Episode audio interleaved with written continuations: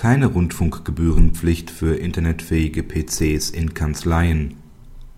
Anwälte, die in ihren Kanzleien beruflich PCs mit Internetanschluss nutzen, sind keine Rundfunkteilnehmer und müssen daher auch keine Rundfunkgebühren entrichten.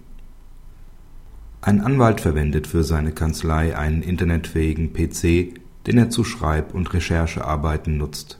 Auf seinen Internetzugang greift er nur im Zusammenhang mit beruflich bedingten Recherchen in Rechtsprechungsdatenbanken sowie zur elektronischen Abgabe der Umsatzsteuervoranmeldung zurück. Den PC hatte er bei der GEZ angemeldet und mitgeteilt, dass er seine Veranlagung zu Rundfunkgebühren für verfassungswidrig erachte. Gleichwohl verlangte die GEZ von ihm Gebühren und begründete dies damit, dass es dem Anwalt stets möglich sei, über seinen Internetbrowser Livestream-Sendungen der öffentlich-rechtlichen Rundfunkanstalten zu empfangen nach erfolglosem Widerspruchsverfahren erhob der Anwalt Klage.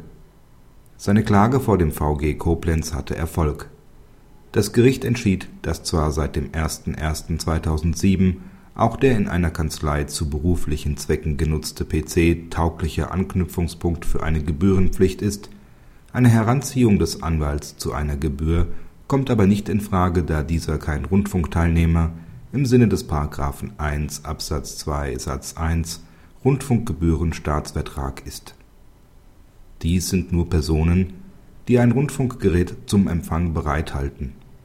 Zwar stellt der Begriff des Bereithaltens auf die mögliche Nutzung des Rundfunkempfangs ab, nicht entscheidend ist mithin, ob ein Rundfunkteilnehmer tatsächlich Leistungen in Anspruch nimmt bzw. welche Programme er empfangen will oder tatsächlich nutzt.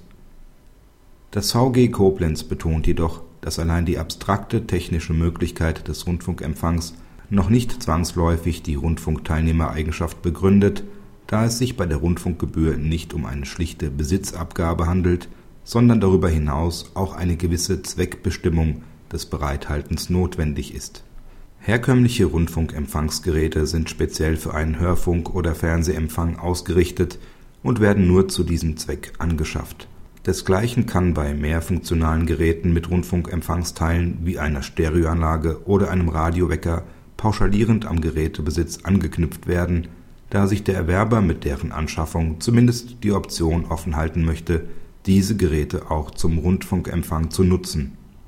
Anders verhält es sich nach Ansicht des VG Koblenz jedoch bei einem internetfähigen PC dieses Gerät wird außerhalb des privaten Bereichs nicht typischerweise zum Empfang von Rundfunk bereitgehalten, sondern in vielfacher Weise anderweitig verwendet.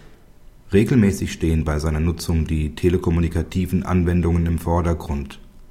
Im schlichten Gerätebesitz eines ausschließlich beruflich genutzten PCs verkörpert sich daher weder generell noch im Einzelfall eine Teilnahme am Rundfunk. Schließlich betont das VG Koblenz dass eine generelle Gebührenpflicht für ausschließlich beruflich genutzte internetfähige PCs gegen das Grundrecht der Informationsfreiheit gemäß Artikel 5 Absatz 1 Grundgesetz verstoßen würde. Danach hat jeder das Recht, sich aus allgemein zugänglichen Quellen ungehindert zu unterrichten.